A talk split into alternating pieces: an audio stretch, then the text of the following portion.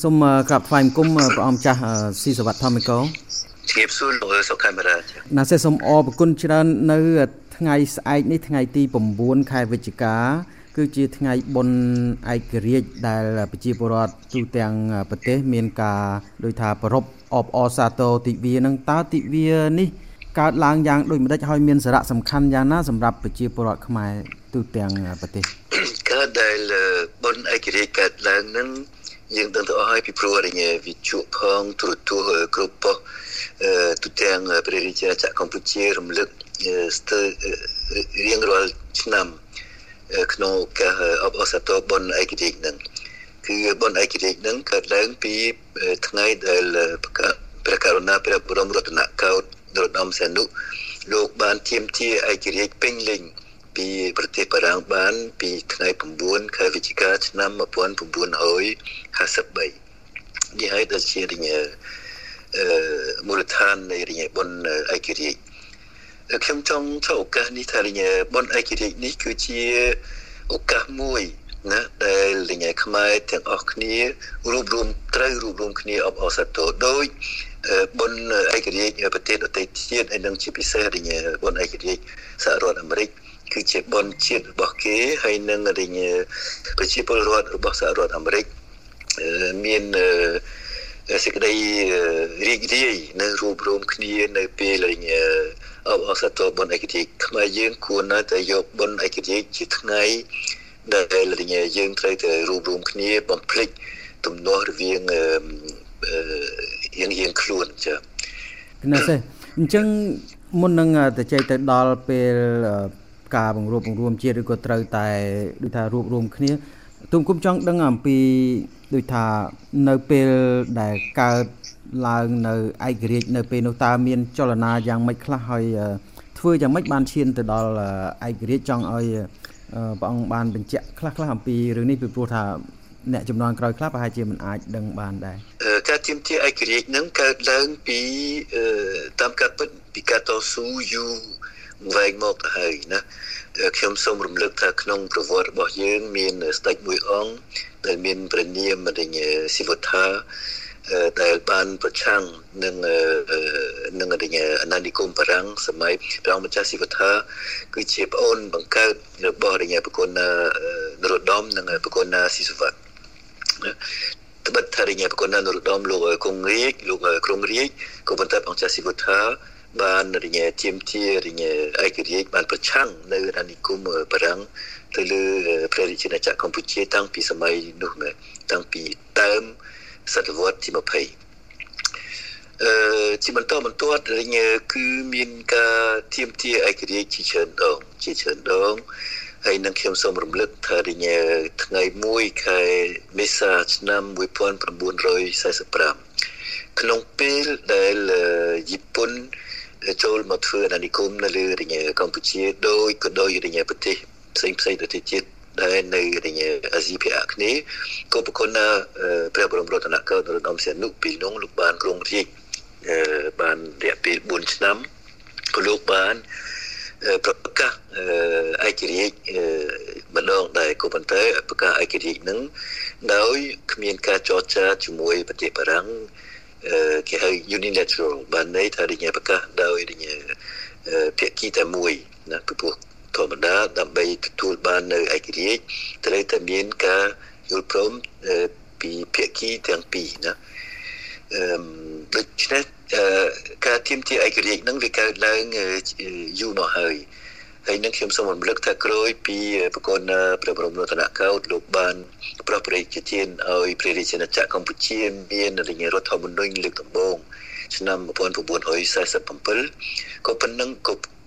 ពេលនោះក៏មានគណៈបកនយោបាយកើតឡើង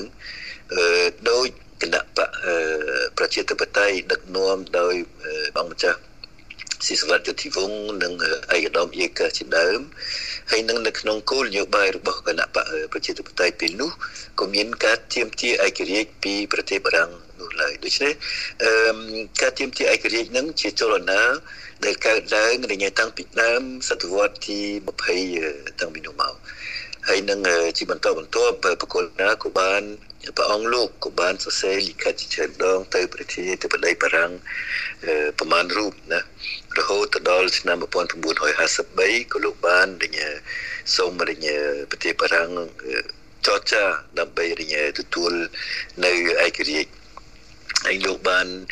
លោកបានរញបង្កើតយុទ្ធនាការទាមទារឯករាជ្យនៅទីក្រុងសៀមរាបនៅរញដើមឆ្នាំ1953មុនលោកយាងទៅរញប្រទេសបារាំងដើម្បីធ្វើការចរចាជាមួយប្រជានាធិបតីរញបារាំងពេលនោះចា៎ណាស់អញ្ចឹងបើសិនជានៅពេលនោះមិនទាន់បានឯករាជ្យទេឬក៏ខកខានតើមានអ្វីនឹងកើតឡើងកម្ពុជាប្រឈមមុខយ៉ាងម៉េចខ្លះទៅហើយ ក្រោយដែលកើតឯករាជ្យភ្លាមភ្លាមនោះតើមានអ្វីប្រែប្រួលនៅក្នុងប្រទេសកម្ពុជានៅពេលភ្លាមភ្លាមបើសិនជាយើងកលេចមើលទៅរញប្រទេសជិតខាងបើសិនជាយើងក្រឡេកមើលទៅប្រទេសជិតខាងគឺរញប្រទេសវៀតណាមជាដើមប្រទេសយួនជាដើមគឺយួនក៏បានទាមទារឯករាជ្យពីប្រទេសបារាំងដែរក៏ប៉ុន្តែពេលនោះក៏រញយួនបានធ្វើបង្កើតសង្គ្រាមណាក្រុមការដឹកនាំរបស់អូជីមិញបានបង្កើតសង្គ្រាមដើម្បីប្រឆាំងបារាំង ក្នុងការទាមទារឯករាជ្យផ្ទុយទៅវិញផ្ទុយទៅវិញប្រគល់ព្រះបរមរតនកោដ្ឋលោកបានរញយល់ឃើញថាសង្គ្រាមនាំមកនៅវិបត្តិយ៉ាងធ្ងន់ចំពោះខ្មែរហើយនឹងលោកបានសម្រេចបតីព្រះរាជអតីរបស់លោកនិងរញថ្នាក់ដឹកនាំរបស់លោកដោយមានសម្ដេចញាតិជុលងសម្ដេចប៉ែននុតជាដើមដែលរញជាសហការី ចិត្តស្និទ្ធរបស់លោកធ្វើការទាមទារឯករាជ្យនោះណាតាមសន្តិវិធីតាមរញសកម្មភាពអហិង្សាអានឹងខ្ញុំសូមរញសង្កត់ទៅលើរញចំណុចទាំងពីរហ្នឹងគឺរញសន្តិភាពនិងអហិង្សាផោះតាំងផោះតាំងពេលនោះពេលដែលលោកបង្កើតរញយុទ្ធនាការទីមទីឯករាជ្យហ្នឹងលោកបានបង្កើតកងទ័ពក៏ប៉ុន្តែកងទ័ពទាំងអស់នោះស្ពាយរញអវុធ ឈើកំភ្លើងឈើបាទកំភ្លើងឈើកំភ្លើងឈើដូច្នេះអាហ្នឹងឆ្លុះបញ្ចាំងឲ្យឃើញថាការរញទីមទីឯករាជ្យហ្នឹងគឺរញឆន្ទៈរបស់បកគណាគឺរញទីមទីដោយសន្តិវិធីនិងរញនិងសកម្មភាពអហិង្សាណា នេះហើយដែលជាយើងត្រូវតែកាត់សម្គាល់ណាស់អញ្ចឹងមកដល់ពេលបច្ចុប្បន្ននេះដែលព្រះអង្គមានបន្ទូលខាងដើមមិញអំពីការដែលអ្នកនយោបាយត្រូវតែរួបរวมគ្នាហ្នឹងមានន័យថាដល់ពេលវេលាមួយដែលត្រូវធ្វើដូច្នេះហើយមើលទៅអាចនឹងមានចលនាយ៉ាងណាព្រះអង្គធ្លាប់មានបន្ទូលខ្លះហើយចង់ឲ្យព្រះអង្គបញ្ជាក់ម្ដងទៀតថាតើអាចនឹងធ្វើយ៉ាងម៉េចបានទៅនៅពេលស្ថានភាពបច្ចុប្បន្ននេះអឺ ខ្ញុំយល់ឃើញថាការរួបរวมគ្នានឹងមិនមែនបានន័យថាយើងត្រូវតែរួបរวมគ្នានៅក្នុងបកតែមួយទេណាអានឹងបានន័យថាម៉េចរិញបើសិនជាមានបកតែមួយបានន័យថារិញផ្ទុយពីរដ្ឋធម្មនុញ្ញហើយចែងថារិញប្រទេសកម្ពុជាជាព្រះរាជាណាចក្រអាស្រ័យរដ្ឋធម្មនុញ្ញដែលប្រកាន់របបប្រជាធិបតេយ្យអាស្រ័យប្រជាធិបតេយ្យសេរីនិយមបហុបកណា អានឹងហើយដែលជាសំខាន់បានន័យថាម៉េចបានន័យថាការរួបរวมគ្នានឹងមានន័យថាយើងអាចនឹងមានការជំទាស់គ្នាពីបកមួយទៅបកមួយរវាងគណៈបញ្ញោបាយផ្សេងផ្សេងក៏ប៉ុន្តែយើងត្រូវតែរួបរวมគ្នាទៅលើមូលដ្ឋានមួយគឺឧត្តមផលប្រយោជន៍របស់ប្រទេសជាតិមិនមែន មិនមែនទៅតាមអំណាចគ្នារិញបើសិនជាមានមួយអត់មួយបើសិនជារិញយើងត្រូវតែរិញធ្វើយ៉ាងម៉េចរកមូលដ្ឋានមួយរួមដើម្បីកសាងប្រទេសជាតិយើងសាជាថ្មីឡើងវិញនេះហើយដែលខ្ញុំហៅថារិញយើងអាចនឹងរួមរួមគ្នាត្បិតថាយើងអាចនឹងមានទំនាស់រវាងគ្នាទៅលើគោលនយោបាយទៅលើការដឹកនាំរដ្ឋាភិបាលទៅលើការដឹកនាំនៃ ការកសាងរបស់រញ៉ែប្រទេសជាតិយើងណាអានឹងហើយដែលជាការរួមរំខ្ញុំសូមសូមលើកឧទាហរណ៍មួយខ្ញុំសូមលើកឧទាហរណ៍ថារដ្ឋធម្មនុញ្ញរបស់យើងរដ្ឋធម្មនុញ្ញដើមរបស់យើងណាយល់ឃើញហើយថាការរួមរំគ្នានឹងជាការមួយជាចាំបាច់ណាដើម្បីឲ្យនឹងរញ៉ែដើម្បីជំរុញឲ្យខ្មែរអឺ ចេះធ្វើការជាមួយគ្នា បានចែងណាថានៅក្នុងរដ្ឋសភាជាតិគ្រប់រញការសម្រេចត្រូវតែមានអឺតែមានរញ2ភាគ3សម្លេង2ភាគ3បានអាចនឹងចេញជាការសម្រេចហ្នឹងបានន័យថាម៉េចបានន័យថាអឺដើម្បីឲ្យបានសម្លេង2ភាគ3ត្រូវតែមានបក1ឬ2ឬ3រួមរួមគ្នាដើម្បីធ្វើការសម្រេចមួយដល់ពេលយើងរញកែរដ្ឋធម្មនុញ្ញណា ទៅជាពី2ភាគ3ទៅ50បូក1ហ្នឹងដល់ពេលហ្នឹងយើងរញយើងរញបង្កើតវប្បធម៌ថ្មីណានៅក្នុងការដឹកនាំនយោបាយនៅក្នុងស្រុកខ្មែរវប្បធម៌ថ្មីហ្នឹងបានន័យថាម៉េចបានន័យថា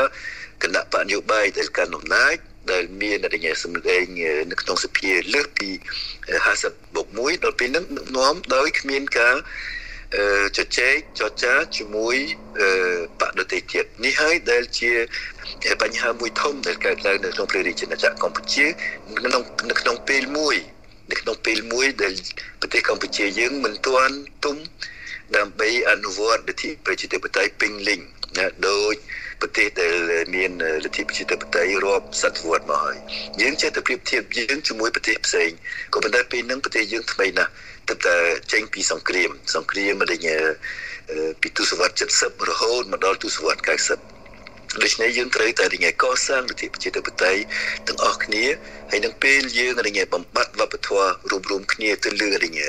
ទៅលើចំណុចសំខាន់នេះមួយពីភាគ3ហ្នឹងគឺដល់ពេលហ្នឹងយើងបង្កើតវប្បធម៌ថ្មីដែលធ្វើឲ្យឆ្លោះគ្នាដណ្ដើមអំណាចគ្នាដោយរញ៉េគ្មានការជជែកគ្នាគ្មានការចរចាគ្នាទៅវិញទៅមក ណាអញ្ចឹងនៅពេលខាងមុខទៀតនេះតើភាគីទាំងសងខាងទាំងបើដូចថានៅក្នុងបរិបទខ្មែរបច្ចុប្បន្ននេះអ្នកនយោបាយមានកម្រិតនឹងគ្នាយ៉ាងដូចនេះហើយដោយមានតលហីករៀងរៀងខ្លួនអញ្ចឹងទៅតួអង្គ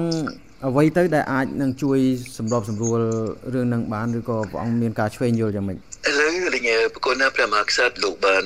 ទ្រង់ព្រះរាជសន្ទរកថាមួយប្រហែលថ្ងៃកន្លងមកនេះលោកអំពីវនី ឲ្យខ្មែរទាំងអស់រួមរួមគ្នាអាហ្នឹងជារញ៉េជាមូលដ្ឋាន ជាមូលដ្ឋានមួយដែលពីព្រោះលោកអត់មានសម្ដៅទៅលើបកណាមួយទេលោកសម្ដៅទៅលើរញ៉េខ្មែរទាំងអស់គ្នាដូច្នេះយើងគួរណាតែយកព្រះរាជសន្ទរកថារបស់ប្រគុណណាព្រះមហាក្សត្រព្រះបរមនាថនរោត្តមសីហមុនីនឹងយកមកធ្វើជាមូលដ្ឋានណាដើម្បីគិតគូរឡើងវិញអំពីតើយើងត្រូវតែដើរផ្លូវណាដើម្បីយើងអាចនឹងរញ៉េ រួមរួមគ្នាមិនមែនដូចខ្ញុំបានបញ្យល់ហ្នឹងមិនមែនរួមរួមគ្នាក្នុងគណៈបកមួយទេរួមរួមគ្នាទៅលើមូលដ្ឋានមួយ គឺឧត្តមប្រយោជន៍របស់ប្រទេសជាតិយើងណាអានឹងជាមូលដ្ឋានដូច្នេះដែលតួអង្គយើងយើងដឹងហើយតួអង្គមានតែរញប្រធានគណៈបកកណ្ដាលអំណាចនិងគណៈបកកណ្ដាលអំណាចគឺរញសម្ដេចហ៊ុនសែនជាដើម ហើយនឹងរញគាត់រញគណៈបកប្រជាជនកម្ពុជាត្រូវតែទទួលស្គាល់ថាអតីតគណៈបកសង្គ្រោះជាតិណាជាសម្លេងរបស់ប្រជាពលរដ្ឋខ្មែររាប់លានអ្នកដែលមិនគ្រប់គ្រងការដឹកនាំរបស់គណៈបកប្រជាជនដូច្នេះនេះជាមូលដ្ឋានត្រូវតែគណៈបព្វជិជនកម្ពុជាទទួលស្គាល់ថាដែលមានខ្មែរមិនគ្រប់គ្រងនយោបាយនិងការដឹកនាំរបស់ខ្លួនឯងហើយដូច្នេះត្រូវតែហុចដៃផ្ដល់លទ្ធភាពឲ្យអ្នកប្រឆាំងមានសម្លេង ហើយនៅបច្ចុប្បន្នបច្ចុប្បន្នភាពគឺយើងឃើញហើយយើងឃើញហើយថារញ៉េគណៈបកកណ្ដាលអំណាចមានតំណាងរាស្ត្រ125នាក់នៅលើលើ125ក្នុងរដ្ឋសភាជាតិហើយនឹងដូចគ្នាដែរនៅក្នុងរញ៉េប្រសិទ្ធភាពមាន60នាក់ឬ62នាក់ដូច្នេះនេះហើយដែលរញ៉េឆ្លុះប្រចាំឲ្យឃើញថា គ្មានការជជែកគ្នាគ្មានរញ៉េការសន្ទនាហើយនឹងមិនអាចនឹងរញ៉េកើតការរួបរวมគ្នាឡើងពេលណាដែលរញ៉េបកមួយអឺ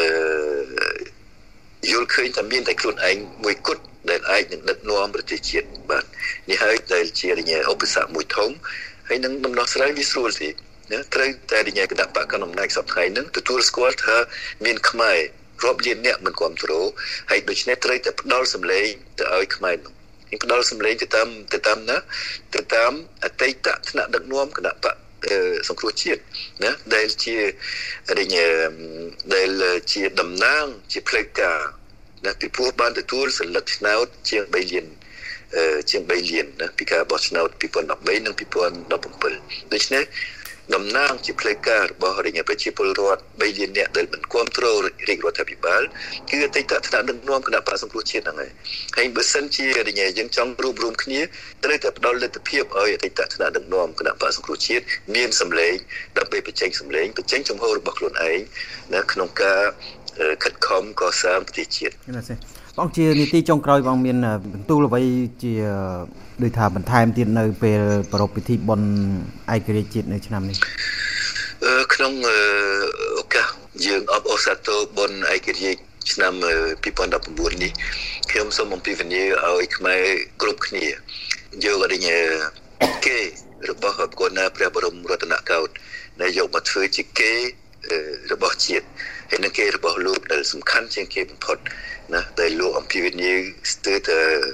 គ្រប់ក្នុងគ្រប់បញ្ញាសន្តិកថាគ្រប់សកម្មភាពរបស់លោកគឺមានតែសន្តិភាពស្ថិរភាពទេដែលអាចនឹងផ្ដល់សេចក្តីសុខទៅឲ្យខ្មែរហើយនឹងដើម្បីឲ្យមានស្ថិរភាពនិងសន្តិភាពពិតប្រាកដនៅក្នុងស្រុកខ្មែរយើងត្រូវតែរួបរวมគ្នាណានេះហើយដែលជារញ៉េគេរបស់កូណាហើយនៅក្នុងឱកាស អឺបុណ្យជាតិជាស្នាប្រហោះផ្ទាល់របស់គុណព្រះបរមរតនកោដ្ឋខ្ញុំសូមរំលឹករឿងនឹងហើយនឹងសូមឲ្យថ្នាក់ដឹកនាំទាំងអស់ទាំងបកកណ្ដាលអំណាចទាំងអ្នកប្រឆាំងទាំងអ្នកជំទាស់អឺសូមឲ្យយករញការពិសោធន៍និងរញគេប្រហោះស្នាប្រហោះរបស់កូនណានឹងយកមកធ្វើជាមូលដ្ឋានដើម្បីខិតខំរៀបចំអនាគតឲ្យប្រទេសជាតិយើងណា សេសូមអរគុណច្រើន